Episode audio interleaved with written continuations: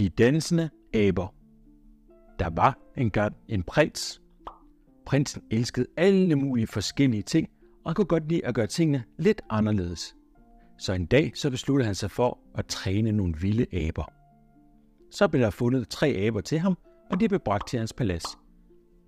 Derefter begyndte prinsen at træne dem. Han trænede dem blandt andet i, hvordan de skulle danse, og aberne blev meget hurtigt nogle fremragende dansere.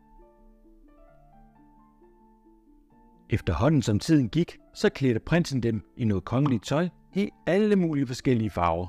De fik også flotte hatte og masker på. Hver aften så dansede aberne til musik på slottet. Nyheden om de dansende aber blev meget hurtigt spredt til hele landet, og folk de rejste fra alle dele af landet bare for at se de dansende aber. Og hver aften, når aberne dansede, så blev paladset fyldt op af både mænd, kvinder og børn, der jublede og var så overrasket over, hvor godt aberne kunne danse.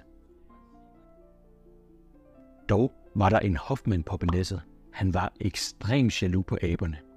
Alle elsker aberne, men ingen lægger mærke til mig, tænkte han. Denne hofmand var den kongelige klovn, før aberne kom, og hans berømmelse havde også spredt sig til hele landet. Så i ren jalousi, så besluttede denne hofmand at gøre noget ondskabsfuldt. En aften, da aberne dansede så smukt som nogensinde før, så kastede han en håndfuld nødder ind på scenen, i håb om, at de kunne sætte en stopper for de dansende aber. Så kunne han nemlig få sit gamle arbejde som oftere tilbage. Men det viste sig at være helt anderledes. Aberne gled dog i nødderne, men den dans, der nu kom fra aberne, var gået fra smuk til sjov. De gled rundt i nødderne, og, og de spjættede med armene og ben, og hele salen skreg af grin.